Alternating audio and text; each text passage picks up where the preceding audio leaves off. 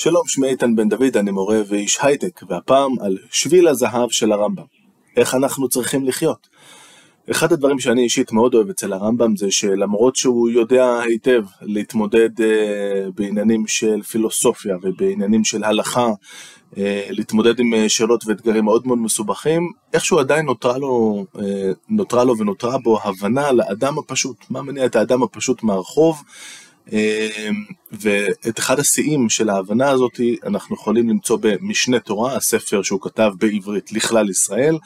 אמ, די בהתחלה בחלק שנקרא הלכות אה, דעות הוא מדבר על הדעות או כמו שהיינו אומרים בעברית של היום התכונות השונות של בני האדם ואת הדיון הוא פותח כך דעות הרבה יש לכל אחד ואחד מבני האדם וזו משונה מזו ורחוקה ממנה ביותר. יש אדם שהוא בעל חמאה כועס תמיד, ויש אדם שדעתו מיושבת עליו ואינו כועס כלל, ואם כעס, יכעס, אה, יכעוס כעס מעט בכמה שנים. ויש אדם שהוא גבה לב ביותר, ויש שהוא שפל רוח עד מאוד, ויש שהוא בעל תאווה לא תשבע נפשו מהלוך בתאוותה, ויש שהוא טהור גוף ביותר, לא יתאווה אפילו לדברים, לדברים מעוטים שהגוף צריך להם.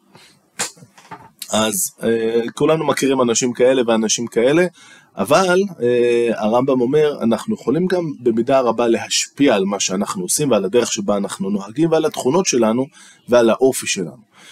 ואת הבסיס לדיון הזה הוא לוקח מאריסטו. אריסטו, החכם היווני הגדול, אנחנו כקריאת כיוון לשלישייה של סוקרטס, אפלטון, אריסטו, תמיד קל לזכור את ההוצאה להורג של אריסטו, של אה, סוקרטס במינוס 399, כך שזה שם אותנו איפשהו אה, לקראת האמצע או הסוף של המאה הרביעית לפני הספירה. אריסטו כותב את ספר אה, המפתח בין שאר הכתבים שלו, האתיקה, מהדורת אה, ניקומחוס, הספר המומלץ הזה, ושם הוא דן באתיקה, כלומר איך צריך לפעול, מה הדברים המוסריים, מה הדרכים המוסריות ואיך אנחנו צריכים להתנהל בעולם, והוא פותח את הדיון שלו בנושא שלנו כך. הוא מסביר קודם כל שיש היינו יכולים לחשוב שהאופי של האדם הוא משהו שנגזר עליו מטבע בריאתו. והוא אומר זה לא המצב, יש דברים שהם לפי הטבע, אתה זורק אבן למעלה, חייבת ליפול למטה, כמובן אין לה שום ברירה אחרת, אבל התכונות שלנו עובדות בצורה שונה. התכונות שלנו אינן גזירה של הטבע, אלא זה משהו שאנחנו יכולים אה, לשים לב אליו, לנהל אותו ולשפר אותו.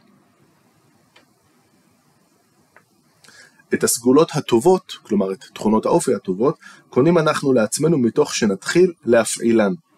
והוא הדין, הוא מביא דוגמה גם לגבי האומנויות, אומנויות או מקצועות, שכל הדברים שעשייתם צריכה לימוד, הרינו לומדים אותם אגב עשייתם. כדרך שמתוך שנבנה בתים נהיה לבנאים, ומתוך שננגן בכינור נהיה לחנרים. באותה דרך עצמה נעשה צדיקים כש, כשנעשה מעשה צדק, מיושבים בדעתנו כשנעשה מעשים של יישוב דעת, ובעשותנו מעשי גבורה, נעשה גיבורים. אה, זאת אומרת, זה לא שהאופי שלי מכתיב לי איך עליי לנהוג, אלא אני יכול לנהוג בדרך מסוימת כדי להשפיע על האופי שלי.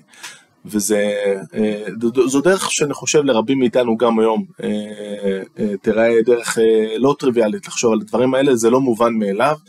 אנחנו רגילים לכל מיני אנשים שאומרים, טוב, ככה אני, מה, מה אני אעשה, או כמו שנהוג לומר בעברית בת, בת ימינו, מה אני אעשה. זה, זה המצב, אני לא אשתנה, מאוחר לי מדי, וזה לא הקו שנוקט בו הרמב"ם, ו, אה, וזה גם לא הקו שנוקט בו אריסטו.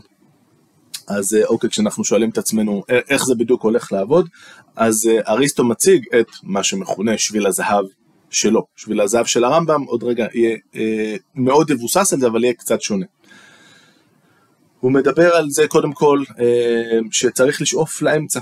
הסגולה הטובה היא, איפה? תכונת אופי שטיבה לבחור, והשרויה באותו אמצע שאמצעי הוא ביחס אלינו, והמוגדר לפי שיקול של היגיון, וכדרך שיגדירנו אדם נבון. זאת אומרת, צריך להשתמש קצת בשכל ותבונה כדי למצוא את האמצע בין מה למה. והיא מיצוע, כלומר מציאת האמצע, בין שתי כלכלות, שני קצוות שכל אחד מהן הוא קצה שאנחנו לא רוצים להיות בו, בין זו שמתוך הפרזה וזו שמתוך המעטה. למשל, אשר למתן כספים וקבלתם. האמצע הוא נדיבות, מידת, מידת היתר והחסר זה בזבוז מצד אחד וקמצנות מצד שני, אנחנו צריכים למצוא את האמצע. אה, וככה בעצם בכל אחת אה, מהתכונות, צריך לראות מה שני הקצוות, כל אחד מהם אנחנו לא רוצים להיות שם, אנחנו רוצים להיות בערך באמצע, ואם מדובר למשל על אומץ לב בשדה הקרב, אז היינו יכולים להגיד שזה משהו שהוא תמיד טוב, אבל זה לא נכון, כי אומץ לב מופרז הוא כבר אה, להיות אה, נחפז מדי ולקבל החלטות. אה, בלי לשקול את הדברים לעומק, וכבר ראינו מספיק קרבות שנגמרו בהפסד אה, לצד שתקף אה, בלי חשבון. מצד שני, אנחנו גם לא רוצים להיות פחדנים. אה, אריסטו גם לא נופל למלכודת, והוא אומר, אה, טוב, הייתם גם, אה, היינו יכולים להגיד שנגיד, אוקיי, רצח, או ניאוף, זה דברים שגם צריך להיות עליהם באמצע, אבל לא, אלה דברים שהם פסולים לחלוטין, זאת לא תכונת אופי. לרצוח זאת לא תכונת אופי. לנעוף, ולכן אין מה לדבר על לעשות את הדברים האלה בדרך הנכונה, בהקשרים הנכונים, אלא זה פסול מעיקרו, אבל לא על זה אני מדבר, אומר אריסטו, זאת תכונת אופי. כשהרמב"ם אה, לוקח את ה... ממשיך את הדיון שהצגנו את ההתחלה שלו, הוא בגדול מתחיל בדיוק באותה צורה אה, שאריסטו מתחיל, אה, וכמובן בשפה העברית הקסומה והנהדרת שלו, זה נשמע ככה. ויש בין כל דעה, וד... בין כל דעה ודעה, שוב, תכונה ותכונה, הרחוקה ממנה בקצה האחר, דעות בינוניות, זו רחוקה מזו. וכל הדעות, אני קצת uh, מדלג, שני קצוות הרחוקות זו מזו שבכל דעה ודעה אינן דרך טובה, ואין ראוי לו לאדם ללכת בהן ולא ללמדן לעצמו, ואם, ועכשיו אנחנו מדברים אוקיי, אז מה קורה אם אני מזהה שאני כן צריך איזשהו תיקון? אם מצא טבעו נוטה לאחת מהן, או מוכן לאחת מהן, זאת אומרת הוא יותר נוטה לזה אה, מלכתחילה, או שהוא כבר למד אחת מהן ונהג בה, יחזיר עצמו למוטב, וילך בדרך הטובים, והיא הדרך הישרה. ומהי הדרך הישרה? הדרך הישרה היא מידה בינונית שבכל דעה ודעה מכל הדעות שיש לאדם, והיא הדעה שהיא רחוקה משני הקצוות ריחוק שווה, ואינה קרובה לא לזו ולא לזו. ולפיכך ציוו חכמים הראשונים שיהא האדם שם, וכאן שם זה מלשון למדוד, כמו פקיד שומה שמודד כמה אתם חייבים למס הכנסה, שיהא האדם שם דעותם, דעותיו תמיד, הוא משער אותן, כלומר נותן בהם את השיעור, מודד אותן כמה הן גדולות, ומכוון, ומכוון אותן בדרך האמצעית כדי שיהא שלם. כיצד?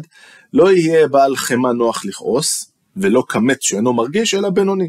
לא יכעוס אלא על דבר גדול שראוי לכעוס עליו, כדי, לא, כדי שלא יעשה כיוצא בו פעם אחרת, עוד רגע חוזרים לכעס מזווית טיפה שונה. וכן לא יתהווה אלא לדברים שהגוף צריך להם, ואי אפשר לחיות בזולתן. וכן לא, לא יהא עמל בעסקו אלא להשיג דבר שצריך לו לחיי שעה, ולא יקבוץ ידו ביותר, ולא יפזר כל ממונו, אלא נותן צדקה כפי משאת ידו, ומלווה כראוי למי שצריך. ולא יהא מהולל ושוחק, ולא עצב ועונן, אלא שמח כל ימיו בנחת, בסבר פנים יפות, וכן שאר דעותיו, ודרך זו היא דרך החכמים. זאת אומרת, עד כאן אנחנו ממש הולכים יד ביד עם אריסטו, הולכים על האמצע שבין כל אחת משתי התכונות, הוא קצת אה, מדגיש את העניין של אם אתה כבר אה, שם, אתה כבר נוטה לצד אחד מה אתה אמור לעשות, וכאן הוא מדגיש בהמשך, אני לא אקריא את זה, אבל שאוקיי, אם זה המצב, אז במשך זמן מסוים, אם אני רואה שאני קמצן מדי, במשך זמן מסוים אני אקח את עצמי לא לאמצע, אלא קצת יותר לצד השני, ואני אשהה שם קצת זמן עד שההרגל יגיע, ואז אני אחזור לדרך הישרה, ומכיוון שביליתי קצת זמן בקצה השני, זה אמור פחות או יותר לאשר אותי. אה, מה שהיינו מצפים ממישהו שלמד את רפואת ימי הביניים, אה, לנקוט בעמדה הזו. צריך גם אה, להגיד שהרעיון הזה של כל הזמן למדוד את עצמנו, מה שראינו שם, כאילו למדוד ולשער, הרעיון הזה של להישאר ערים ומתוך תודעה עצמית שהיא כל הזמן נמשכת, זאת אומרת זה לא משהו שאנחנו יכולים באיזשהו גיל להגיד טוב אני כבר הסתדרתי, אלא תמיד אנחנו צריכים לבדוק את עצמנו, זה רעיון, מה, אחד מרעיונות הבסיס שאני אישית כמובן הכי אוהב ביהדות וכמובן שהוא רעיון אה, אה, מושג בסיס בכל המהלך של התשובה.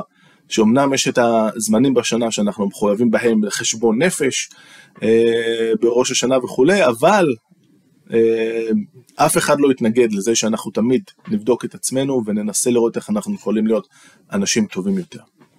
זה לא כל הסיפור, כי עד עכשיו בגדול אה, הרמב"ם הלך בדרכו של אריסטו, יש שתי נקודות שבהן הוא סוטה מדרכו של אריסטו, והוא אומר, תשמעו חבר'ה, זה לא חובה, אבל מי שרוצה ממש לשחק אותה, שיקשיב למה שיש לי להגיד עכשיו.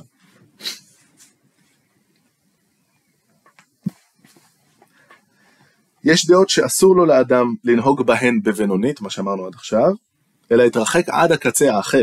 זאת אומרת, הוא לא אומר רק אה, תהיו יותר לכיוון הזה, אלא ממש לכו עד הקוטב, ולמרות שקודם אמרנו ששני הקצוות הם שליליים. והוא גובה הלב, שאין דרך הטובה שיהיה אדם עניו בלבד, אלא שיהיה שפל רוח, ותהיה רוחו נמוכה למאוד.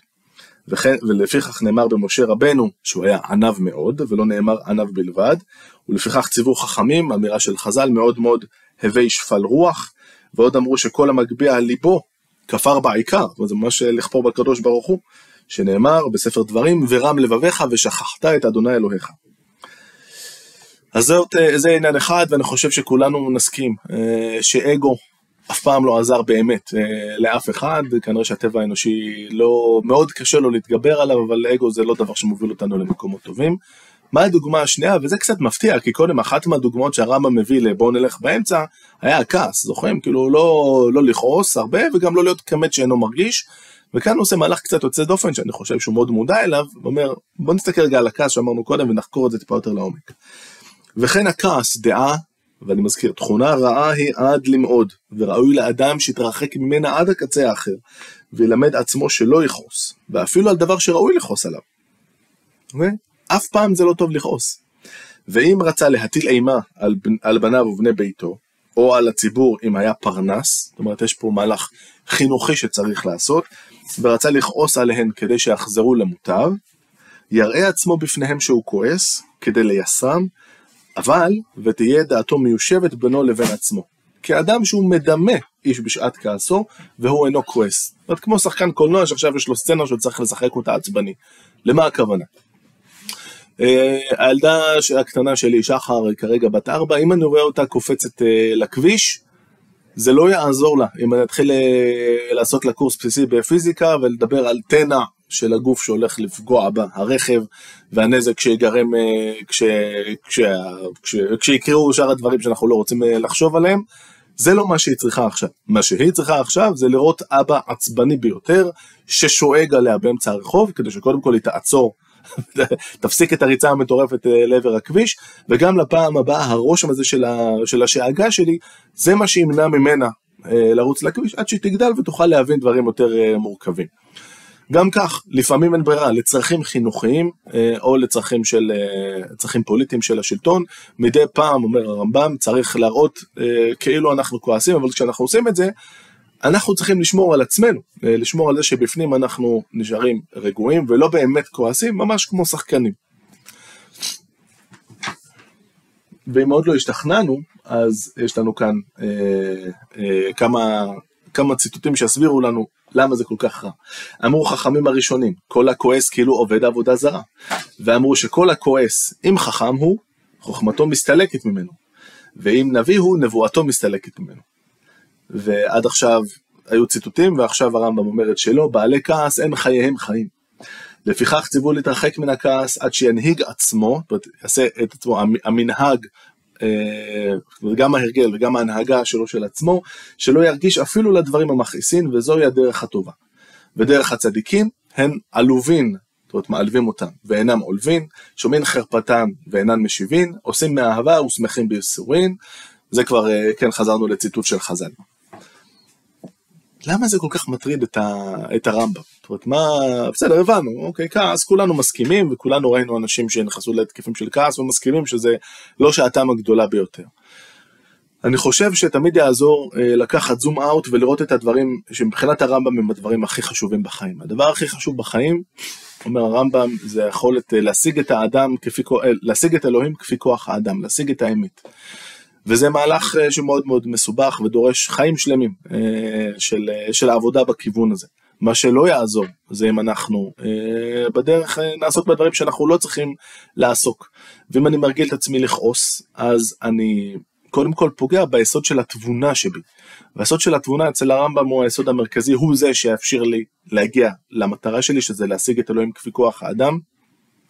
מושג שגם יהיה מאוד קשור בהשגחה, כפי שהוא דן בה במורה נבוכים, הרמב"ם מאוד מקשר בין ההשגחה לבין השכל. אנחנו לא נדבר על זה עכשיו כי זה דיון מאוד ארוך, אבל, אה, אבל נגיע לזה מתישהו בהמשך.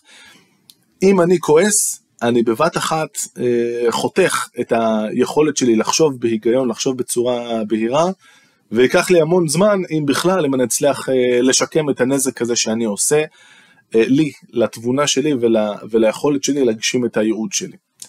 וחוץ מזה זה באמת נורא ואיום, אה, אני חושב שכולנו אה, עברנו התקפי זעם כאלה ואחרים, אנחנו מעטים הפעם, מעטות הפעמים שאנחנו גאים בזה. ואם אנחנו גאים בזה כנראה, שזה לא, כנראה שגם זה לא בסדר. אז אם לסכם את הדיון במה שנקרא שביל הזהב אה, של הרמב"ם, הוא לוקח אה, מאוד את השיטה של אריסטו, מוסיף לה אה, שני עדכונים בדמות הדגש המאוד חזק על האגו, גובה הלב, כמה שפחות יותר טוב, או כמו שאמר יוסי בנאי באחד הציטוטים האהוב עליי מתוך שובו של אסורמלו, הבן אדם, גם כשהוא הולך זקוף, עדיף שילך כפוף, שהנפילה לא תהיה מגבוה. אז גובה הלב זה אחד, ושתיים זה הכעס. כמה שפחות, יותר טוב. הלוואי, אמן על כולנו, שיהיה לנו בהצלחה, שבת שלום לכולם.